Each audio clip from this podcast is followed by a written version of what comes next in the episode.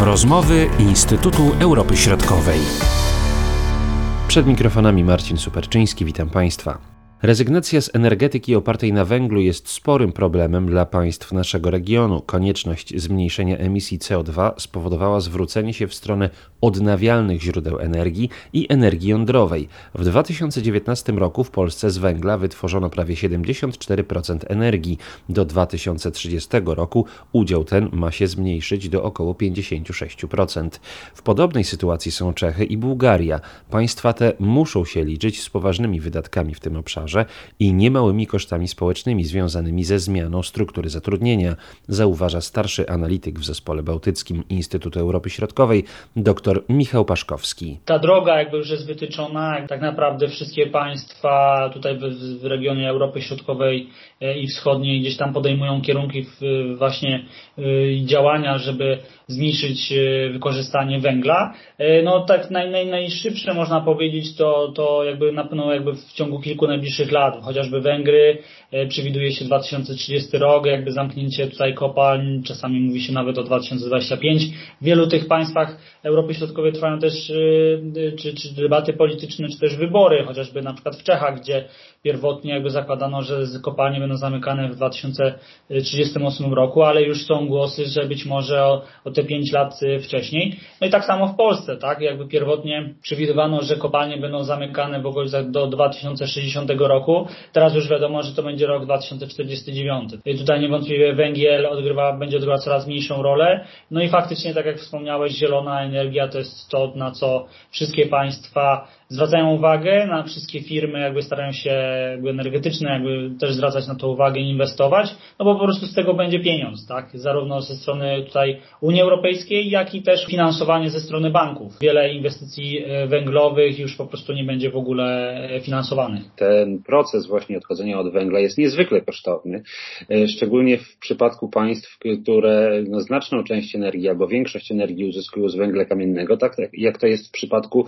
Polski, no podobnie wysoki wskaźnik uzyskują Niemcy i te Czechy, o których wspominałeś, prawda? One są w tej pierwszej trójce państw, które korzystają z węgla kamiennego, także te wydatki niewątpliwie będą bardzo silne. Jak je zrównoważyć? Jakimi źródłami energii? W Polsce mówimy o energetyce jądrowej. Jak to wygląda z punktu widzenia Czech? W przypadku Czech faktycznie jakby tutaj dużą rolę będzie odgrywać energia jądrowa. W tej chwili w, w Republice Czeskiej funkcjonują dwie elektrownie jądrowe, łącznie sześć reaktorów e, i też są plany jakby związane z budową kolejnej tutaj elektrowni, kolejnego reaktora w elektrowni Dukowany.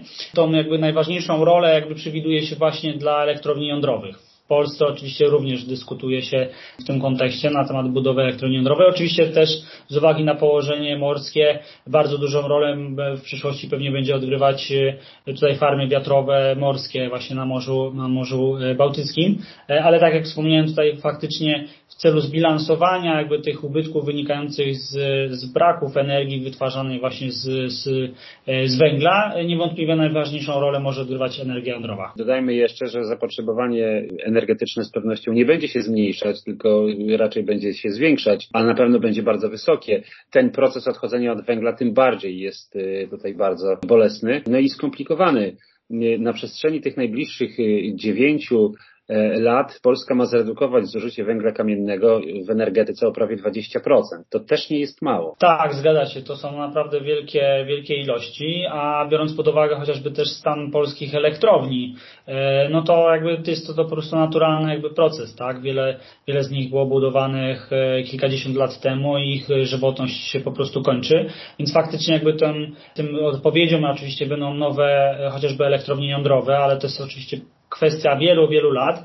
Natomiast y, taką dyskutuje się i mówi się, że oczywiście tutaj gaz ziemny będzie pełnił taką rolę y, pośrednią y, nośnika, który, który wypełni tą lukę właśnie pomiędzy węglem, a ewentualnie energią jądrową. Więc tutaj wiele takich projektów czy inwestycji jeszcze można powiedzieć, można liczyć, jeżeli chodzi o gaz ziemny, ale to też w długim horyzoncie czasowym niewątpliwie e, będzie odgrywać coraz, coraz również mniejszą rolę. Polska jest y, państwem, no, które staje się coraz bardziej zasobnym państwem. Natomiast y, co y, z takimi krajami, no, które są jednak uboższe, które no, mają bardzo duże problemy, trudniej im jest pewnie ponosić takie wysokie koszty, jak na przykład Bułgaria.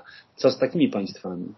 E, tam dyskutuje się właśnie również w kierunku elektrowni jądrowych. W tej chwili też funkcjonują, funkcjonuje jedna elektrownia jądrowa i przewiduje się właśnie jakby, że ten, tą gro też będzie właśnie stanowić e, energia wytwarzana w ten sposób. Ale akurat w kontekście też e, Bułgarii, biorąc pod uwagę ich zasoby jakby właśnie surowcowe w kontekście węgla, rząd przewiduje ich, można powiedzieć, maksymalizację wykorzystania, więc też przede wszystkim nowoczesne technologie zagospodarowania węgla, e, CCS, więc e, tutaj mm, jakby na pewno w, w, tych najbliższych latach, e, jeżeli mówimy jeszcze o, na przykład o, w Polsce, czy, czy chociażby Niemiec, Niemczech, gdzie już ten decyzja jakby zapadła i te kopalnie są zamykane, w Bułgarii będzie to długi jeszcze, jeszcze proces, trochę odłożony w, w czasie.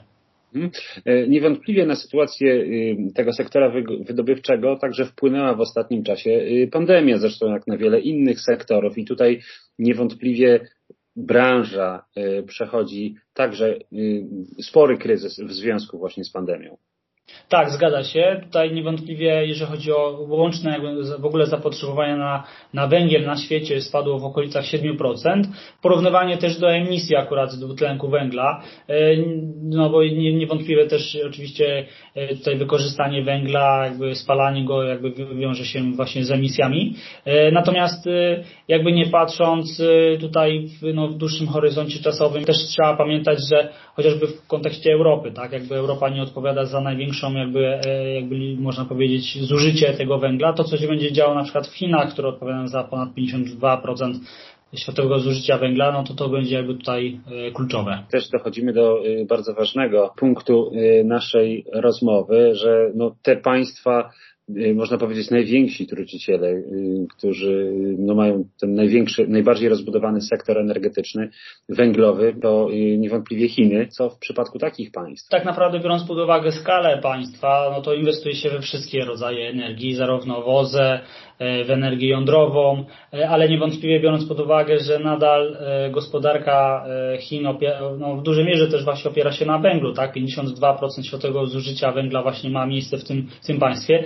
Jakakolwiek transformacja energetyczna, w, w, w, biorąc pod uwagę skalę państwa, no, będzie rozłożona w czasie. Oczywiście biorąc pod uwagę zanieczyszczenie środowiska, częsty smog występujący chociażby w Pekinie czy w innych miastach, no, powoduje, że te, te działania są bardzo aktywne teraz no, podejmowane ze strony rządu, rządu chińskiego, ale na pewno to będzie w długim perspektywie czasowej rozłożone. Wracając do państw unijnych, które y, odchodzą od węgla kamiennego, czy to w krótszej, czy dłuższej perspektywie czasu, czy mogą one liczyć na jakieś wsparcie ze strony Unii Europejskiej właśnie?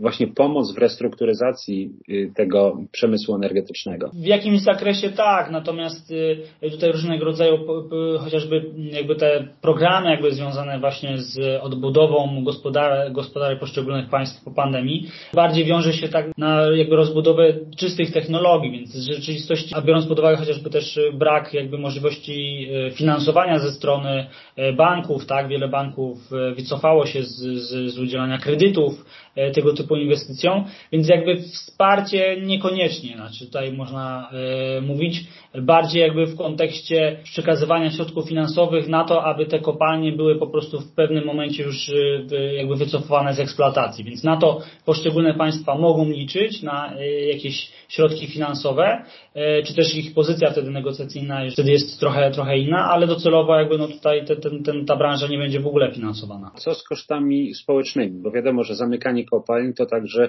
wzrost y, bezrobocia, czy y, no, z tym oczywiście trzeba się liczyć. Czy to będzie bardzo duży problem, porównując poszczególne państwa, y, które no, opierają się w dużej mierze właśnie na węglu kamiennym? Tak, zdecydowanie jest to jeden z naj, naj, najważniejszych i najtrudniejszych, tutaj można powiedzieć, problemów wynikających z funkcjonowania branży, branży węglowej. Wszystkie oczywiście te, te miejsca pracy będą te osoby pracujące będą musiały gdzieś znaleźć inne zatrudnienie w innych, w innych branżach, ale też trzeba mieć świadomość chociażby jakby w kontekście wyborów. Wielokrotnie pojawiały się po prostu informacje, że dana kopalnia, dana w danym regionie nie będzie zamykana, a wyniki wyborów i jakby zmiana władzy powoduje, że, że ten proces przyspiesza. Ale niewątpliwie no, tutaj ten, ten aspekt społeczny jest najważniejszy no i on jest tutaj no, najbardziej kluczowy. Mówił dr Michał Paszkowski, Marcin Superczyński. Do usłyszenia.